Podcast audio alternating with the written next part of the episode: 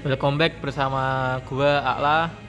Perkenalkan teman-temanku yang saya akan ajak podcast. Yang pertama Reya dan Givari. Silakan, Mas. Ya, nama saya Givari Marta. NIM B11 2018 04895. Ya, saya Reza Suryatmaja. NIM B11 2018 05087. Ya, dan saya kembalikan ke Allah. Oh iya lupa, NIM saya B11 2018 05482. Nama saya Maulana Ala. Saya sebagai pewawancara di sini. Selamat datang teman-teman. Silahkan mendengarkan podcast kami. Pertama saya akan di podcast ini kami akan bahas tentang teori pembuatan keputusan secara bertahap. Pertama akan menjelaskan tentang jelaskan teori pembuatan keputusan bertahap. Gimana ya itu tentang teori pembuatan keputusan bertahap? Silahkan Mas. Teori pembutusan keputusan bertahap. Pengambilan keputusan adalah tindakan pemilihan alternatif. Jadi ini ber- berkaitan dengan fungsi manajemen. Misalnya, saat manajemen merencanakan, mengelola, mengontrol, atau membuat keputusan. Di saat itulah teori pembuatan keputusan bertahap digunakan. Udah cuma itu Mas. Oh iya cuma itu aja. Oke selanjutnya ini masih satu menit tuh bang ya. Selanjutnya pelopor teori manajemen itu siapa aja ya Mas? Silahkan Mas Reza mungkin bisa menjawab. Ya, saya di sini akan menjawab pelopor teori manajemen seperti halnya ada Fayol dan Urwig membahas peng- pengambilan keputusan mengenai pengaruh pada delegasi dan otoritas. Sementara Bapak Manajemen Frederick W. Taylor hanya menyinggung metode ilmiah sebagai pendekatan untuk mengambilan keputusan. Seperti kebanyakan aspek teori organisasi modern, analisis awal pengambilan keputusan dapat ditelusuri pada Chester Bar Barnard dalam The Function of the Exert Barnard memberikan analisis komprehensif mengenai pengambilan keputusan. Kalian menyat proses keputusan merupakan teknik untuk mempersempit pilihan. Kebanyakan pembahasan proses pengambilan keputusan terbagi dalam beberapa langkah.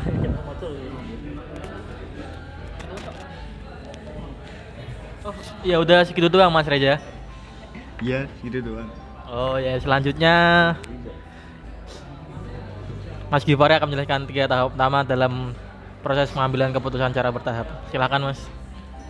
Terima kasih Mas Akla. Dalam pengambilan keputusan tuh dibagi menjadi tiga tahapan utama, yaitu proses pengambilan keputusan. Yang pertama ada aktivitas inteligensi.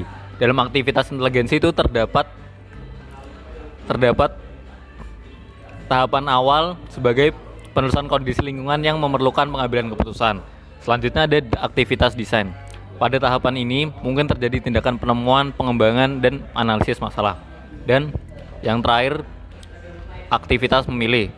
Pada tahapan yang terakhir ini merupakan pilihan sebenar-benarnya tindakan tertentu dari dari beberapa solusi-solusi yang tersedia. Ya, sekian aja masalah. Ya kembali lagi bersama saya. Selanjutnya tentang langkah pengambilan ke- keputusan menurut Mintzberg akan dijelaskan oleh Mas Reza. Silakan Mas Reza akan menjelaskan tentang keputusan menurut Mintzberg. Apa itu? Ya silakan Mas dijawab. Ya, saya akan menjelaskan. Langkah dalam pengambilan keputusan menurut Minzer atau koleganya. Ini yang pertama, tahap identifikasi di mana pengenalan masalah atau kesempatan muncul dan diagnosis di- dibuat diketahui bahwa masalah yang berat mendapatkan diagnosis yang ekstensif. Masalah yang sederhana tidak. Dua, tahap pengembangan di mana terdapat pencarian prosedur atau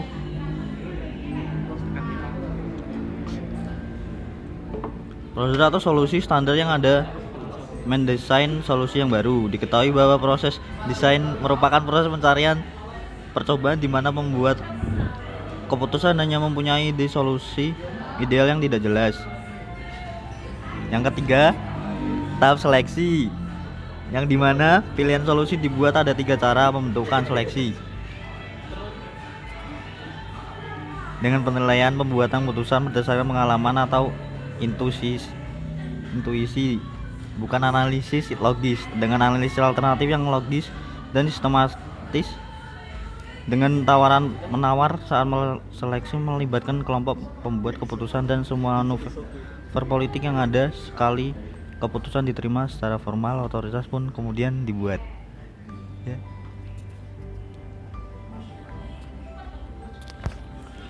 Selanjutnya dapat dirangkum tahap pengambilan keputusan berdasarkan penelitian dari Mintzberg. Silakan Mas dirangkum. Oke, saya akan merangkum. Keputusan berdasarkan penelitian Mintzberg. Terekspresi dalam tahap Simon maupun Mintzberg terdapat langkah awal yang dapat diidentifikasikan yang menghasilkan aktivitas pemilihan dalam pengambilan keputusan. Perlu dicatat bahwa pengambilan keputusan merupakan proses dinamis. Terdapat banyak celah berupa umpan balik dalam setiap tahap. Celah umpan balik dapat disebabkan oleh masalah waktu politik, dan ketidaksetujuan antar manajemen tidak kemampuan untuk mengidentifikasikan alternatif yang tepat atau mengimplementasikan solusi yang penting adalah pengambilan keputusan merupakan proses dinamis. Proses dinamis ini mempunyai implikasi perilaku dan strategis pada organisasi penelitian empiris terbaru mengidentifikasikan bahwa proses keputusan yang mencakup pembuatan pemilihan strategis menghasilkan keputusan yang baik dalam organisasi. 6 tetapi masih terdapat banyak masalah. Yakni manajer manajer mengambil keputusan yang salah. Kembali ke peranan dominan yang dimainkan teknologi informasi dalam analisis dan praktik pengambilan keputusan yang efektif. Relasi studi dan aplikasi perilaku organisasi ini adalah apa yang disebut perilaku pengambilan keputusan. Ya itu rangkuman dari pengambilan keputusan mas. Ya, terima kasih. Selanjutnya akan menjelaskan tentang pendekatan bertahap dalam membuat keputusan. Silakan untuk Mas Gifari akan menjelaskan pendekatan bertahap dalam membuat keputusan. Eh, definisi dari pendekatan bertahap itu menurut saya pendekatan bertahap itu adalah sebuah metode pengambilan keputusan dengan cara-cara yang struktural. Jadi ada tahapan-tahapannya, ada tahap ke satu, tahap kedua, atau tahap ketiga yang digunakan oleh pengambil keputusan yang di, yang di dalam organisasi itu biasanya pengambil keputusan tersebut adalah manajer atau eksekutif dari perusahaan tersebut. Ya, sekian dari saya Mas Ala. Selanjutnya ya ini malah pada geger sendiri nih gimana ini? Monggo Mas Reja menjelaskan tujuh proses pengambilan keputusan. Silahkan dijelaskan tentang langkah-langkahnya. Secara terperinci juga boleh ini agar waktunya nyampe 30 menit ya Mas. jadi di sini kayaknya saya yang panjang sekali ya jawabnya. Jadi saya akan menjelaskan tujuh langkah dalam proses pengambilan keputusan. Yang pertama ada mengidentifikasikan keputusan. Langkah pertama dalam membuat keputusan yang tepat adalah mengenali permasalahan serta memutuskan untuk mengatasi hal itu dan juga menentukan alasan tentang mengapa keputusan ini akan membuat perubahan bagi konsumen atau karyawan dan yang kedua ada mengumpulkan informasi Selanjutnya saat untuk mengumpulkan informasi sehingga dapat membuat keputusan berdasarkan data dan fakta. Tapi ini membutuhkan penilaian untuk menentukan informasi apa yang relevan dengan keputusan yang ada dan bagaimana cara mendapatkannya. Supaya efektif sebelumnya definisikan apa yang perlu diketahui yang berpengaruh dengan keputusan dan ketentuan tentukan siapa saja yang perlu dibuatkan. Yang ketiga ada mengidentifikasikan alternatif dengan memahami permasalahan, mengidentifikasikan kemu- kemungkinan dapat men- mensimulasikan akan lahir opsi-opsi keputusan. Opsi tersebut yang dipertimbangkan untuk diambil salah satunya sebagai keputusan. Dan yang keempat ada menimbang bukti. Menurut pakar manajemen Phil Hickson dan Anthony Sturges, dalam hal ini diperlukan mengevaluasikan kelayakan penerimaan dan keinginan untuk mengetahui alternatif manakah yang terbaik pengambilan keputusan baik itu manajer atau eksekutif atau pelaku usaha harus mampu mempertimbangkan pro dan kontra, kemudian memilih opsi yang memiliki peluang keberhasilan tertinggi.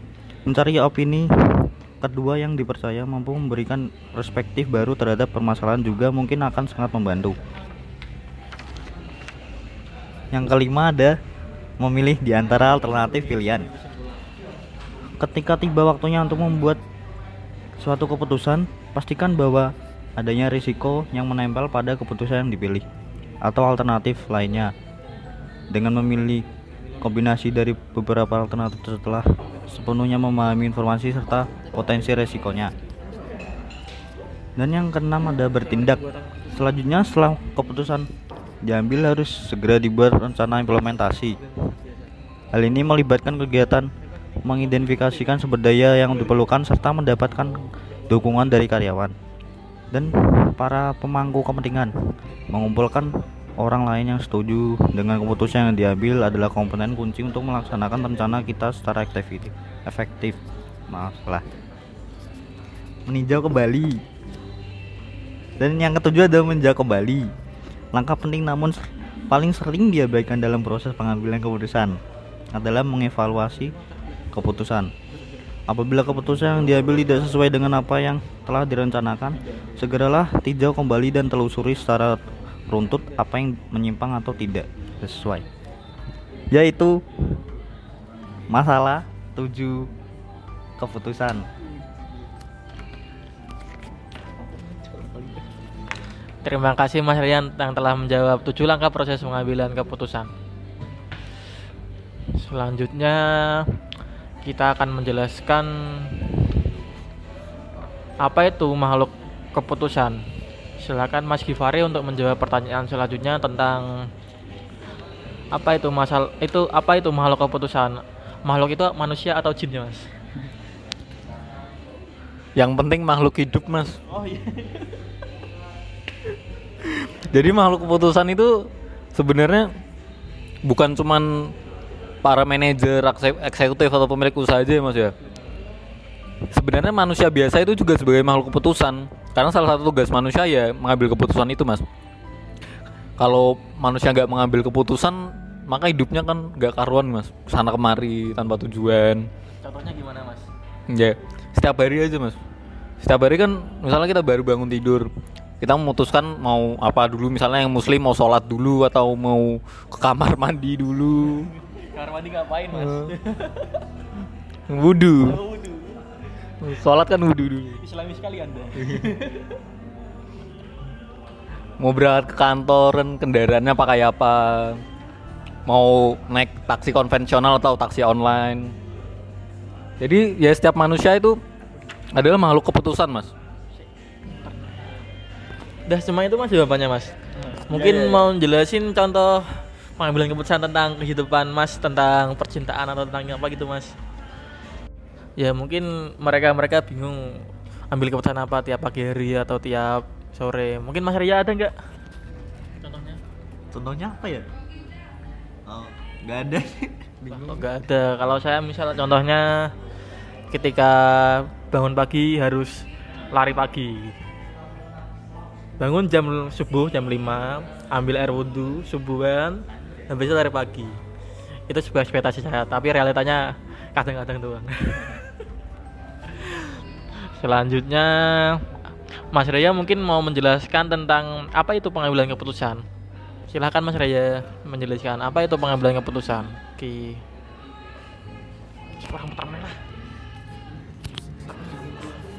Dan kembali lagi urusan saya pengambilan keputusan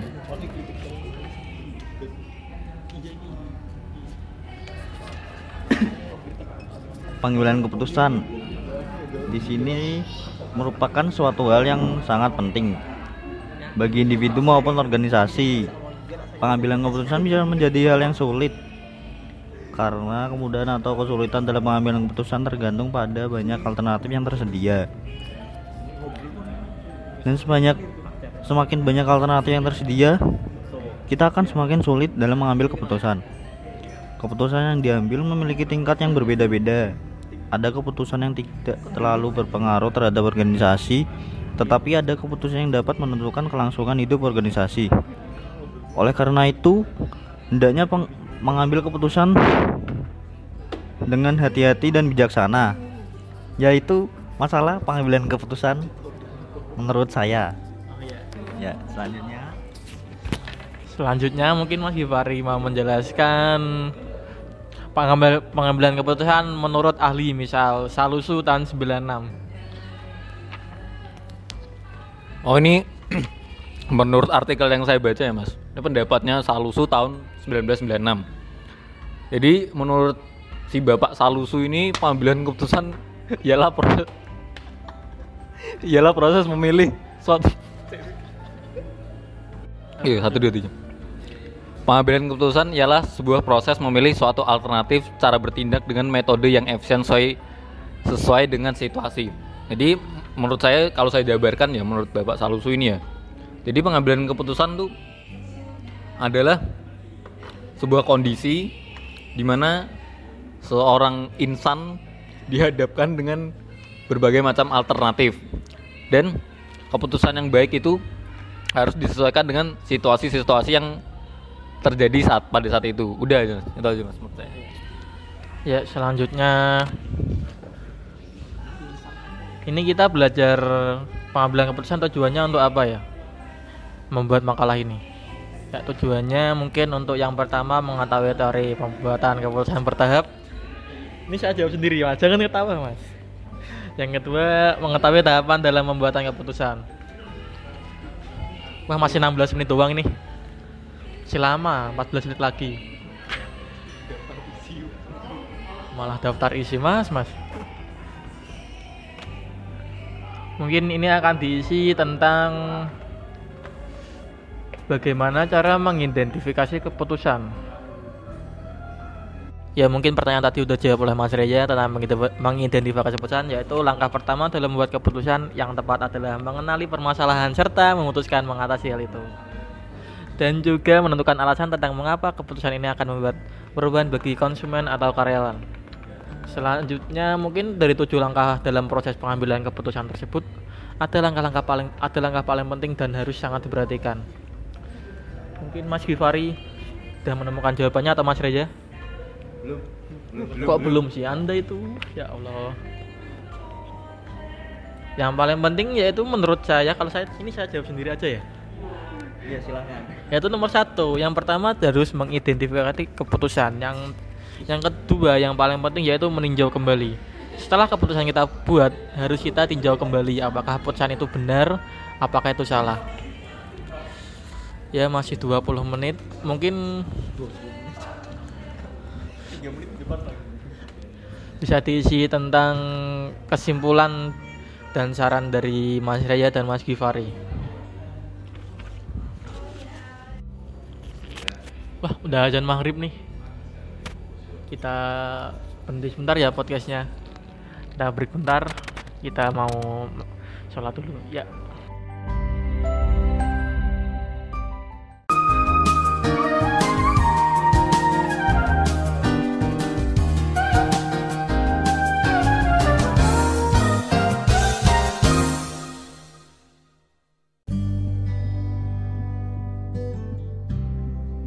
Alhamdulillah telah menunaikan sholat dan ini mungkin makan-makan dulu.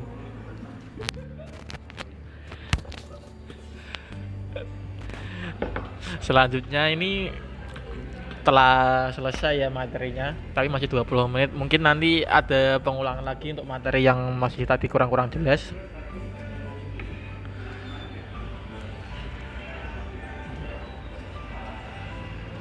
Materi selanjutnya sudah selesai dan di akhir ini kita akan menjelaskan tentang kesimpulan dan saran pengambilan pengambilan keputusan secara bertahap. Kesimpulan akan dijelaskan oleh Mas Givari dan saran akan dijelaskan oleh Mas Reza. Sudah siap menjelaskan belum Mas? siap, siap. Oke, habis ini akan saya lempar ke Mas Givari. Silakan Mas Givari, waktu dan tempat saya persilahkan. Yang agak lama ya Mas, ini masih 19 menit. Nanti ini targetnya 30 menit syarat dari Pak Hendrik. Silahkan Mas.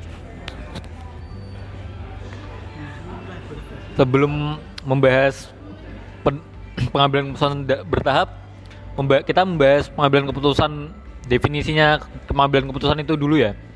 Jadi pengambilan keputusan itu adalah proses di mana sebuah individu memilih sebuah alternatif untuk untuk bertindak dengan metode yang seefisien seefisien mungkin sesuai dengan situasi dengan tujuan untuk menemukan dan menyelesaikan masalahnya. Jadi semisal se- semisal ada pegawai kantor bingung hari ini mau pulang pakai apa? Pulang kantor pakai apa? Pakai motor atau kalau jet mahal pegawai kantor tidak mampu. Mau pakai motor atau mobil? Pesan ojek online nya nah semisal keadaan situasi sekitar kantor tersebut macet sore pulang kantor kan ramai banget jalan itu jadi yang tindakan yang paling efisien adalah memesan ojek motor. Ya jadi pengambilan keputusan itu seperti itu mas. Dan pada untuk pengambilan keputusan dengan pendekatan bertahap itu adalah metode pengambilan keputusan dengan cara-cara yang struktural yang dapat digunakan oleh oleh para pengambil keputusan Ah, jika di dalam perusahaan mengambil keputusan itu bisa seorang manajer atau eksekutif perusahaan. Pendekatan bertahap adalah sebuah metode pengambilan keputusan yang diambil dari kebiasaan yang efektif oleh para pengambil keputusan yang tidak disadari, yang terdiri dari tujuh tahapan. Jadi tujuh tahapan ini dalam pengambilan keputusan itu ada tapi tidak disadari sama manusia-manusianya, mas, sama makhluk-makhluk pengambil keputusan itu. Dan tujuh tahapan itu adalah yang pertama mengidentifikasi keputusan. Pada tahapan ini mengambil keputusan, membuat keputusan yang tepat sesuai dengan dengan cara mengenali mas, permasalahan serta memutuskan untuk mengatasi hal itu. Dan yang kedua adalah tahapan yang kedua adalah mengumpulkan informasi. Pada tahapan ini si pengambil keputusan mengumpulkan informasi sebanyak mungkin sehingga keputusan yang didapat itu diputuskan dengan data dan fakta yang legit. Yang ketiga, mengidentifikasi alternatif. Pada tahapan ini, makhluk pengambil keputusan tadi memahami setelah memahami permasalahan dan dia mengidentifikasi kemungkinan dan menstimul menstimulisasikan Stimulus mas. Oh ya, terima kasih Mas Ala. akan opsi-opsi yang tersedia. Opsi tersebut akan dipertimbangkan untuk diambil di, untuk diambil salah satu dari opsi-opsi yang ada. Yang keempat, menimbang bukti. Pada tahapan ini, mengambil keputusan mengevaluasi kelayakan dari keputusan yang diambil. Apakah keputusan itu sudah tepat atau belum? Yang keenam, oh maaf maaf, yang kelima. Yang kelima memilih di antara alternatif pilihan. Pada tahapan ini ada di mana saatnya tiba. Saatnya tiba apa mas? Saatnya telah tiba, libur telah tiba. Deng deng deng. Liburan mas. Ini tuh waktunya tiba untuk membuat sebuah keputusan.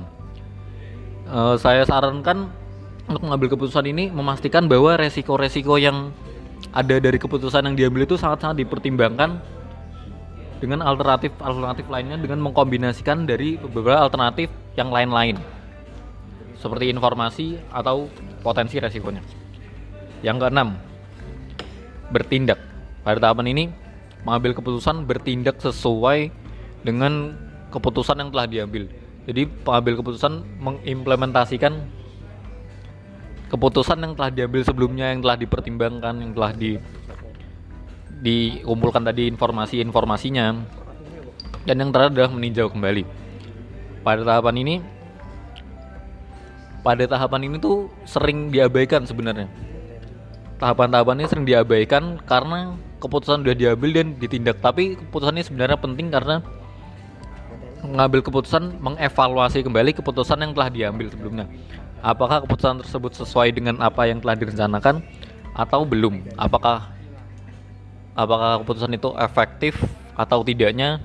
Pada tahapan inilah dievaluasi. Sekian Mas Ala. Ya terima kasih atas kesimpulan yang sangat rinci sekali dari Mas Givari. selanjutnya akan Mas Reja akan menjelaskan tentang sarannya untuk saran ke depannya gimana tentang keputus pengambilan keputusan secara bertahap. Mas Reja udah siap belum untuk menjawabnya? Oh, kok kesusuk banget Mas? Lagi ngapain Mas? Keburu-buru banget Mas koan Mas. Ini silahkan Mas Reja. Ini Mas Reja sudah keburu-buru mau menjawab. Silahkan Mas Reja. Ya di sini saya akan menjawab. Kenapa kok bingung Mas Reja? Silahkan jawab loh. Saran ya mas. Nggih Mas. Terus. Ya di sini Hakim bahasa Jawa mau kenapa apa nggih? saya Indonesia wae mas. Bahasa Indonesia ya mas. Ya di sini saran dari saya yaitu dalam menjalankan sebuah organisasi atau kegiatan sehari-hari, seorang manajer atau individu akan selalu menemukan permasalahan dan akan dihadapkan dengan alternatif alternatif solusi dari permasalahan. Permasalahan tersebut pengambilan keputusan merupakan saat di mana seseorang mempunyai kendali untuk memilih dan dalam bertindak yang bisa saja di luar kemampuan orang tersebut. Keputusan dan kemampuan seseorang dalam menemukan berbagai alternatif pemecah dan masalah dan faktor yang mempengaruhi resiko dan informasi dalam alternatif keputusan itu. Maka sebuah keputusan yang diambil secara bertahap sangat penting agar kita dapat mengetahui alternatif mana yang paling menguntungkan untuk kita ambil. Kami sebagai penulis menyarankan untuk para pembaca untuk melewati tahap dalam pengambilan keputusan secara runtut agar keputusan yang diambil tidak merugikan pembaca atau mencegah pengambilan keputusan yang buruk. Yaitu saran dari saya, Mas. Ya, Mas salah. Kok sebentar doang mas? Sarannya ini masih 27 menit mas. Ya mungkin sekian saran dari Mas Reza. Ini selanjutnya 3 menit terakhir akan diisi tentang Apa ya ini? Saya lihat papernya dulu ya agak hafal ini Bentar toh Mas Reza kok kesusut banget sih anda?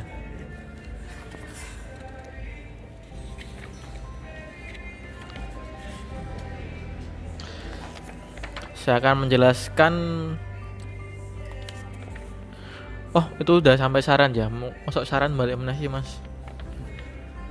Tanya saya, Mas. Ini saya bingung mas menjelasin apa lagi? Tinggal dua menit ini. Mungkin saran mas Ria ini tentang apa ya tadi? Keputusan pengambilan keputusan cara bertahap. Saran dari mas Ria tadi dalam menjalankan sebuah organisasi kegiatan sehari-hari akan menemukan suatu permasalahan. Ya emang begitu. Suatu individu tapi nggak tiap hari mas menemukan masalah. Mungkin bisa mengasih contoh masalah yang yang dihadapi anda setiap hari. Nggak ada nggak ada masalahnya. Kamu nggak punya masalah ya mas setiap hari Gak ada, Mas. Gak ada. wah super sekali hidup anda. Mungkin mas Gifari nggak punya mas. Saya setiap hari sholat tepat waktu berzikir. Hati saya tenang. Kolbu saya tenang sekali mas. Jarang-jarang. Saya sa- jarang dikasih cobaan sama Tuhan.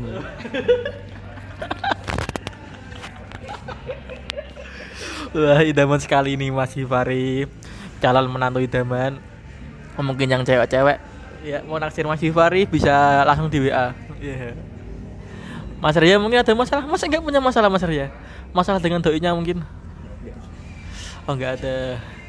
Ya, sekian mungkin ini basa-basi untuk menutup waktu untuk 30 menit. Sekian podcast dari kami. Saya Akla. Saya Reza. saya Givari Terima kasih atas perhatiannya. Kurang lebihnya mohon maaf. Wassalamualaikum warahmatullahi wabarakatuh. Selamat pagi semuanya. Semoga sehat selalu. Gimana gimana Mas Ria? Terusin, Mas. Aman Mas. 30 ini nanti depannya dikasih intro Mas. Masih nyampe 30 menit kok. Monggo Mas Bari mau bicara apa? Oh ya, sih. Katanya Mas Gibari mau cerita terlihat-terlihat gitu. Ya katanya Mas Givari mau cerita tentang permasalahannya. sariawan mas tidak bisa ngomong Tadi bisa ngomong mas, mas. Dibicara, kamu kok sukanya huak sih mas? ya sudah 30 menit. Terima kasih yang kedua kalinya. Wassalamualaikum warahmatullahi wabarakatuh. Terima kasih untuk audiens yang telah mendengarkan podcast dari kami. Saya yakin semua saya kurang tahu mendengarkan atau tidak. Dan saya yakin banyak yang nggak paham. Dan nanti jangan mengasih pertanyaan yang sulit-sulit ya. Terima kasih